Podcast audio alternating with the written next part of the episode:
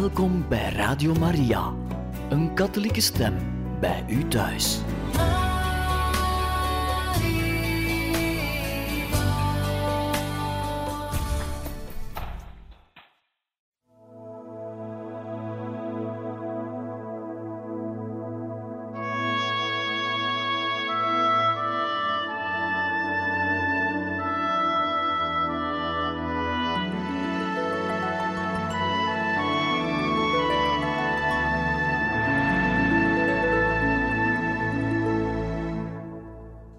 Beste luisteraars van Radio Maria, we gaan verder met een geestelijke brief vanuit de abdij Saint-Joseph de Clairval de Flavigny-sur-Ozerin in Frankrijk. Een brief aangaande de zalige Karl Leisner. Dierbare vriend van de abdij Saint-Joseph de Clairval. Op een zondagochtend 17 december 1944 vindt er in barak 26 van het concentratiekamp Dachau een ongelooflijke gebeurtenis plaats. Karl Leisner, de gevangene met de onvermoeibare glimlach en al vijf jaar de engel van troost voor zijn lotgenoten, wordt priester van Jezus Christus. Hij is ernstig ziek en bijna volledig uitgeput. Op het kruin ontvangt hij het heilig oliesel. Uit zijn mooie, vredige, door het lijden gerijpte en de van koorts verteerde blik spreekt de onwankelbare vreugde van Jezus Christus. Er resten hem nog negen maanden te leven. Karl Leisner werd geboren op 28 februari 1915 in Rees, in Westfalen, in Duitsland. In 1921 vestigt zich zijn familie in de kleine nabijgelegen stad Kleef Vader Leisner, penningmeester bij de rechtbank, zeer ordentelijk man, enig gehecht aan het katholiek geloof dat hij van zijn voorvaderen heeft ontvangen, bezit een krachtdadig en soms zelfs driftig karakter. Zijn echtgenote is vriendelijk en welwillend, altijd kalm en verzoeningsgezind. En door haar straalt het huisgezin van liefde. Karel is een wakkere en schalkse en zeer levendige jongen die eerst de lagere school bezoekt en dan in 1927 het Staatslyceum. Hij is een goede student en de studie kost hem geen moeite. En zijn leergierigheid is onuitputtelijk. Hij zoekt voortdurend naar de, het waarom van de dingen. Zijn stralende glimlach neemt alle harten voor zich in. Door zijn contact met de aalmoezenier van het lyceum, de eerwaarde Walter Vinnenberg, die de gave bezit mensen enthousiast te maken, ontwikkelt Karl zijn talenten van organisator en aanvoerder van jongeren. Hij is twaalf jaar wanneer de priester hem voorstelt een jeugdvereniging op te richten, de Sint-Werner-groep. Hij aanvaardt het en maakt een begin met de zittingsverslagen. Die verslagen worden in mei 1928 het dagboek van zijn zielenroerselen, dat ons in staat stelt de geestelijke opgang van de jonge man op de voet te volgen. Geef mij de kracht, o Heer. Onder de activiteiten van de Sint-Werner-groep nemen fietstochten een belangrijke plaats in.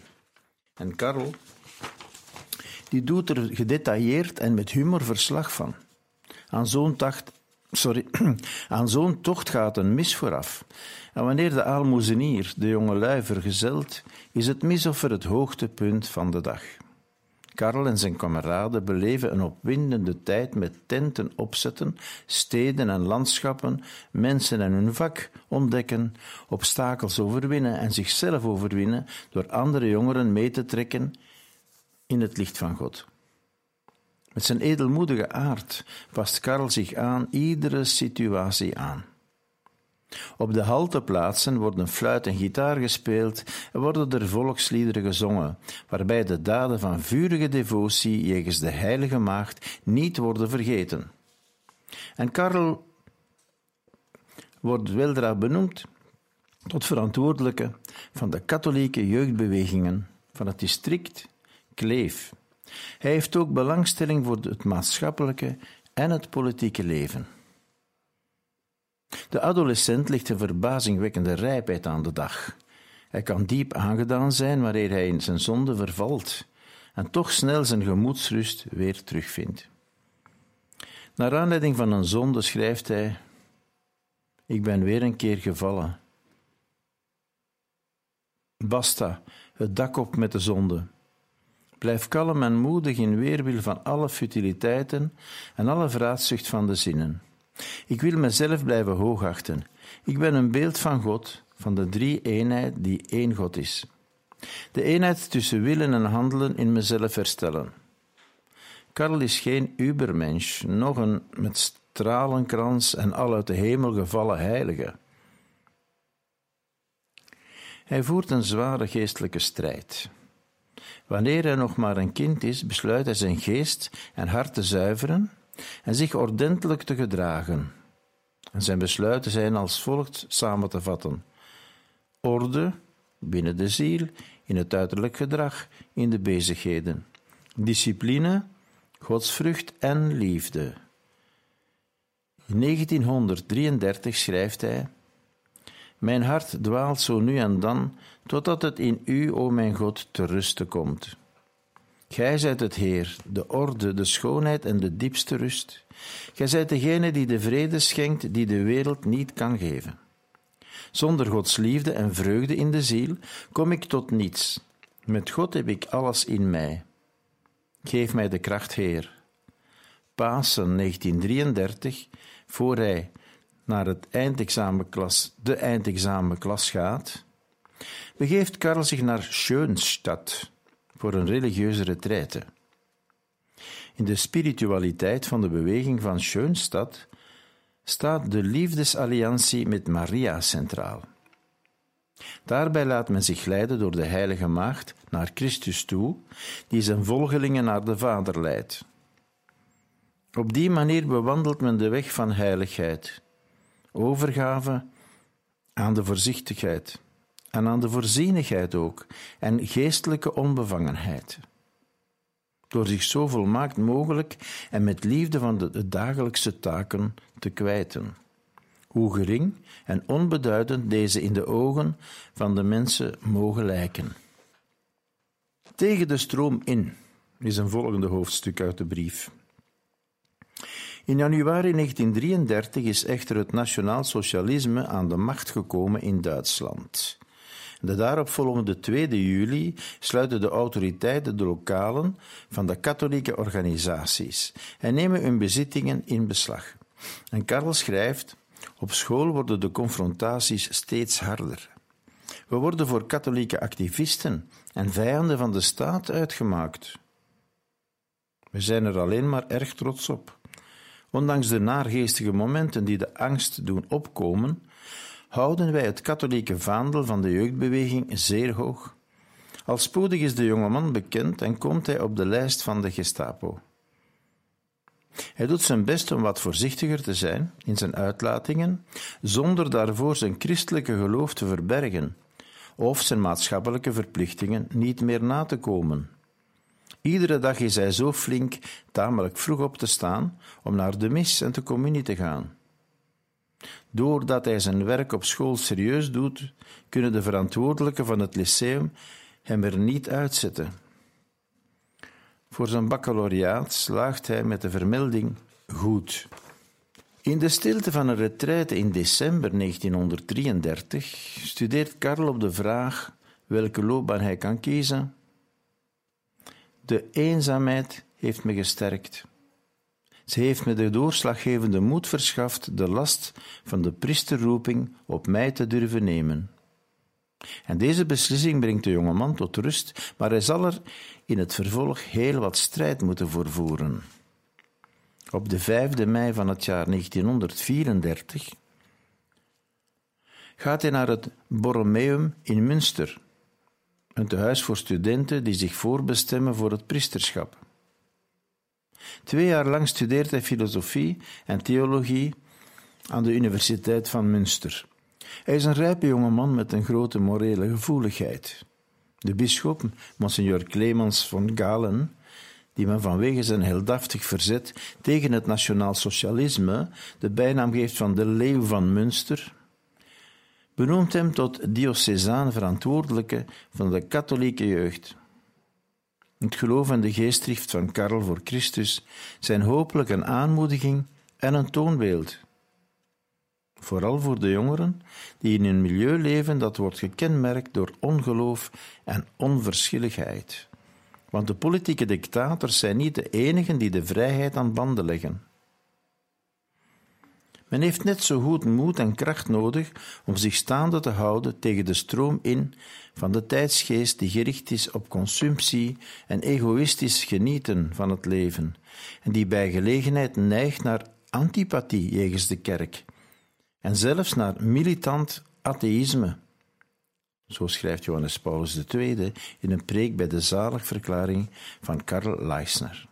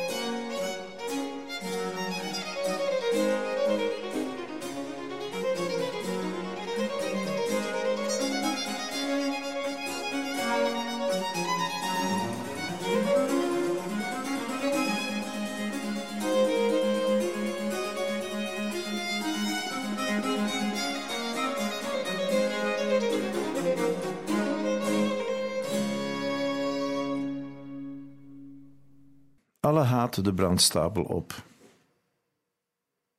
In 1934 schrijft Karl in het juni-nummer van een katholiek maandblad voor de jeugd: Wij branden van liefde voor Christus en voor ieder menselijk wezen, en met nog meer reden voor iedere broeder en zuster van ons Duitse volk. Alle haat smijten we de brandstapel op. Mogen vlammen van liefde oplaaien, de eeuwige weemoed van het Duitse hart een groot en krachtig volk dat christelijk is verenigd door de liefde en het wederzijdse respect. En met Pasen 1936 vertrekt Karel, die zijn studie twee semesters moet voortzetten, aan een universiteit, de universiteit van zijn eigen keuze, naar Freiburg in Brisgau. Van daaruit heeft hij het geluk Rome te mogen bezoeken en in audiëntie te worden ontvangen door Paus Pius XI, die vijf dagen tevoren het nationaal socialisme, volgens encycliek Mit brennender Zorge uit van 14 maart, en ook het communisme, encycliek Divini Redemptoris 19 maart 1937, heeft veroordeeld. In Freiburg logeert Karl bij de familie Ruby, waar hij toezicht houdt op de studie van de negen jongens. Het harmonieuze leven in dit gezin stelt hem voor de vraag: zou ook ik niet geroepen zijn een christelijk gezin te stichten? Hij voelt hoe zijn genegenheid voor de oudste dochter van het gezin, Elisabeth, groter wordt, maar hij houdt zijn geheim voor zich en spreekt er niet over met dat meisje. En dan begint voor hem een lange en smartelijke strijd tussen het verlangen priester te worden en het verlangen naar een gezinsleven. Begin 1938 slaagt Karel voor zijn toelatingsexamen voor het groot seminarie. In zijn ziel wordt de intense strijd ervat tussen zijn roeping en de nog altijd latent aanwezige aantrekkingskracht van het huwelijk. Tot aan het eind van de maand juni, wanneer een brief van Elisabeth, die hij deelgenoot heeft gemaakt van wat er in zijn ziel leeft, hem aanspoort zijn priesterroeping niet op te geven. Op 4 maart 1939 wordt Karel onder diaken gewijd en de 25e ontvangt hij de diakenwijding uit handen van Monseigneur von Galen. Reeds geruime tijd ondervindt hij een grote vermoeidheid en hij wijt dit aan de crisis die hij met zijn roeping heeft doorgemaakt. Maar de steeds vaker optredende hoestaanvallen zijn van andere oorsprong. Een medisch onderzoek komt uit op de gevreesde diagnose vergevorderde tuberculose. Karel is ontzet. Weldra heeft hij zich echter weer onder controle. Ik moet genezen. Hij wordt naar een sanatorium in het Zwarte Woud gestuurd. Langzaam maar zeker verbetert zijn gezondheidstoestand, mede door het feit dat hij ze onderdanig opvolgt wat artsen hem voorschrijven. De genezing schijnt in zicht te zijn, maar intussen tijd is de oorlog uitgebroken. Europa staat in brand. Een volgend hoofdstuk vertelt over de fatale woede op 9 november 1939 verspreidt zich in het sanatorium het nieuws van een aanslag op Hitler in München. Karl zit in zijn kamer wanneer een vriend die de illusies van talloze Duitsers aangaande het Derde Rijk deelt en verheugd meedeelt dat Hitler ongedeerd de aanslag heeft overleefd. Jammer dat hij er niet in is gebleven, is Karls reactie, want hij vervoelt in welke afschuwelijke tragedie de hoogmoedige Führer Duitsland en Europa zal storten. De vriend verlaat woedend de kamer. Zonder kwade opzet, maar door de aandringende vragen van patiënten die daar niet ver vandaan bij elkaar staan, geeft hij te verstaan wat Karls gevoelens zijn. En Leisner wordt tenslotte en terstond aangegeven bij de politie. De politie die hem dezelfde dag hem opsluit in de gevangenis van Freiburg. In een grove deken gewikkeld, op een ijzeren bed gelegen, bibberend van de kou, in een duister cachot, voelt hij zich alleen en verlaten en bestemd een onafwendbare dood te sterven. En de eerste dagen die zijn verschrikkelijk. Maar geleidelijk aan wordt hij weer meester over zichzelf en put uit zijn geloof de kracht om zijn situatie te aanvaarden. Hij spreekt zijn, mijn geschieden naar uw woord uit. Vergeeft van harte hen die hem kwaad hebben gedaan en zoekt bemoediging bij de Allerheiligste Maagd en bij de gemeenschap der heiligen. Op 16 maart 1940 wordt Karl geïnterneerd in het concentratiekamp van Sachsenhausen, dicht bij Berlijn. Zijn naam bestaat voortaan niet meer. Hij wordt genoemd bij zijn registratienummer 17520. Het hoofd geschoren en gekleed in de streepjes pyjama van de gedeporteerden, heeft hij uit het Duitse volk verworpene geen enkel recht meer. Vrees voor de zweep en voor de opgelegde bovenmenselijke zware taak, als ook de schrijnende honger en een voortdurende angst voor de toekomst bepalen het leven in het kamp.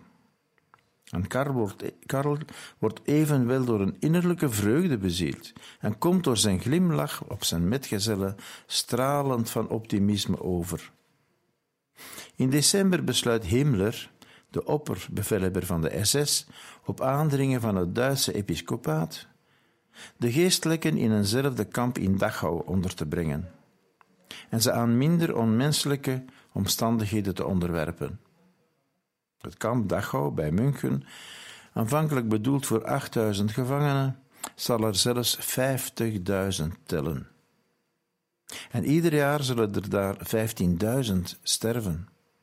Het aantal gedetineerde priesters zal meer dan 2600 bedragen, waarvan een duizendtal ter plaatse het leven zal laten. Zij hebben echter als onschatbare troost de mogelijkheid de mis bij te wonen. Het jaar 1942 is hard, ijskoude winter, lente met veel regen. Iedere ochtend laten de SS tijdens het appel de bevroren en vaak door en door verregende gevangenen langer dan nodig buiten ter plaatse staan. En Karls gezondheid is daar niet tegen bestand. In de nacht van 15 maart barst een bloedvat in de longen en veroorzaakt daar een bloeduitstorting. Hij wordt op de ziekenafdeling toegelaten en blijft daar twee maanden. Hij zal daar nog drie keer terugkeren. Dat telkens een kort verblijf in de priesterbarakken. De Engel van Troost. De ziekenafdeling is een sterfhuis waar mensen op een onbeschrijfelijke manier opeengehoopt, in hartverscheurende wanhoop, de dood onder ogen zien. En dag en nacht klinken het geheig en de droge hoest van de TBC-leiders. Karel vindt zijn toevlucht in het heilig hart van Jezus, door het gebed en de smeekbeden. Hij put zijn innerlijke vrede en de kracht om te glimlachen uit de heilige communie, die men hem regelmatig in het geheim komt brengen. Zodra hij kan opstaan, gaat hij van bed tot bed, spreekt woorden van bemoediging, schijnt licht in de harten met zijn innemende glimlach. Hij, Karel, schijnt het licht in de harten door zijn innemende glimlach. Hij staat bekend al reeds als de engel van troost en de zieken komen hem hun nood toevertrouwen. Al heel spoedig. Onder zijn kussen verbergt hij voortdurend een doos met geconsacreerde hosties, die hij als diaken uitdeelt aan zijn broeders in het geloof. Zijn aanwezigheid heeft een bijzonder troostende uitwerking onder de Russische gedeporteerden, die in grote getalen door de dood worden weggemaaid. Dankzij de basiskennis van hun taal, die hij heeft weten te verwerven, hoort menigeen voor het eerst spreken over de doodstrijd van Jezus en van de blijde boodschap van de Vader, die ons bemint en op ons wacht. De Heer vraagt niet aan zijn volgelingen dat ze met de wereld in ongelegenheid komen, maar verlangt in tegendeel dat ze hun geloof beleiden en er zelfs hun leven voor willen opofferen. Karl Leisner heeft niet alleen met woorden, maar ook door zijn leven en zijn dood hiervan getuigenis afgelegd. In een onmenselijk geworden wereld heeft hij getuigenis afgelegd van Christus, die de enige ware weg, de waarheid en het leven is. Preek bij de zaligverklaring van Karl Leisner van Johannes Paulus II. Terwijl hij ziek is, wordt Karl beschouwd bij de nutteloze monden te horen. In oktober 42 staat hij op de lijst van de gedeporteerden die in een gaskamer moeten worden omgebracht. En twee priesters slagen erin zijn naam van de lijst te laten schrappen. Iedere dag bied ik mij aan de heilige maagd aan, mijn moeder, schrijft ze, schrijft hij, Ze heeft me de drie jaar van gevangenschap schitterend geleid. En begin 1943 heerst de tyfus in Dachau en maakt er een kleine 6000 slachtoffers. Karl ontsnapt aan de epidemie, want de DBC-leidersafdeling is geïsoleerd van de rest van het kamp. En op 4 juni schrijft hij aan een vriend: Wanneer ik terugkijk, ben ik de Heer en zijn heilige moeder zeer erkentelijk. Als ik zou luisteren naar mijn kleine mensenhart, zou ik een spoedige terugkeer wensen om weer bij jullie te zijn. Maar de Heer weet wat het beste is. In de volstrekt ellendige situatie waarin hij verkeert, drukt hij een heldhaftige gedachte uit. Hij dankt God dat hij hem door al die beproevingen heeft verbonden met het lijden van zijn zoon.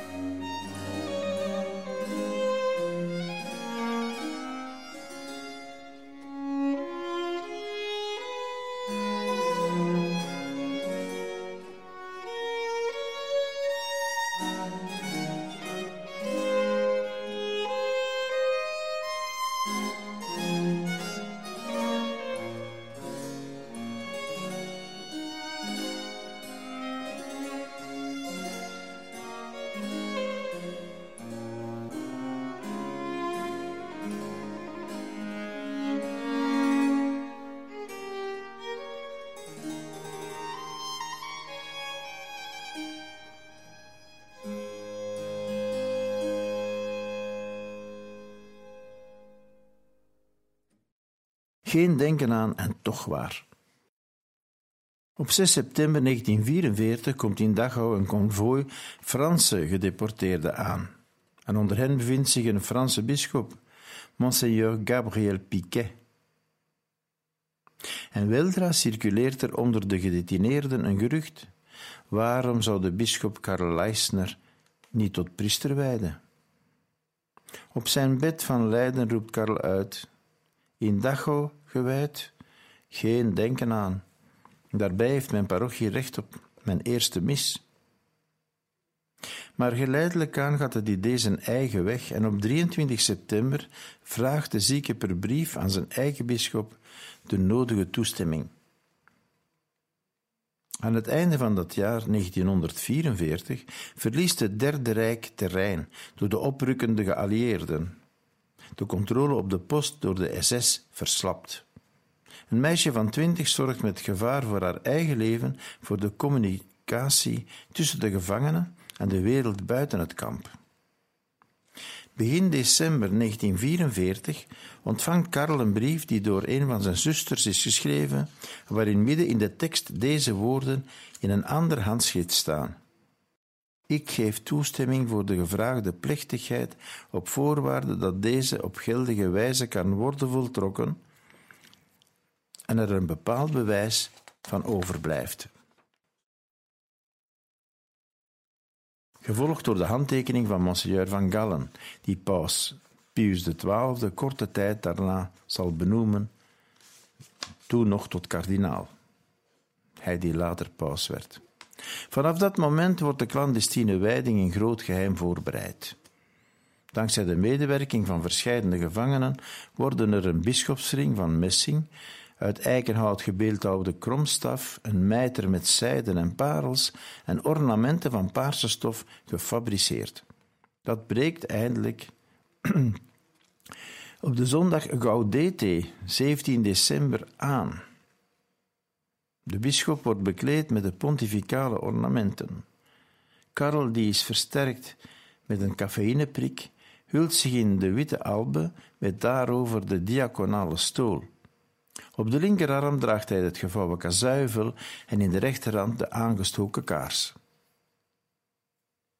Er is inderdaad niets van de voorziene riten nagelaten. Aan zijn rode wangen is te zien dat de zieke wordt verteerd door koorts. De ontroering van de 300 getuigen die zich verenigd weten met de 2300 andere priesters van het kamp is niet te beschrijven. Tijdens de ceremonie staat een Joodse gedeporteerde buiten viool te spelen om de aandacht van de bewakers af te leiden. Als de mis uit is, komen Monsignor Piquet en Karel bij elkaar voor een ontbijt dat is klaargemaakt door de groep protestantse zielzorgers. Wat een samenhorigheid en wat een vernuft heeft men moeten ontplooien om die tafel van het nodige te voorzien. Wit tafelkleed, porseleinen servies, koffie en koekjes. De priesterwijding van Karl Leisner is voor de groep van protestante zielzorgers een belangrijke gebeurtenis geweest, zal hun overste, Dr. Ernst Willem, later schrijven. Wanneer hij weer terug is bij de TBC-leiders, vervolgt Karl zijn kruisweg.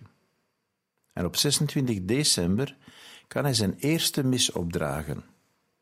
En het eind van de oorlog komt nabij.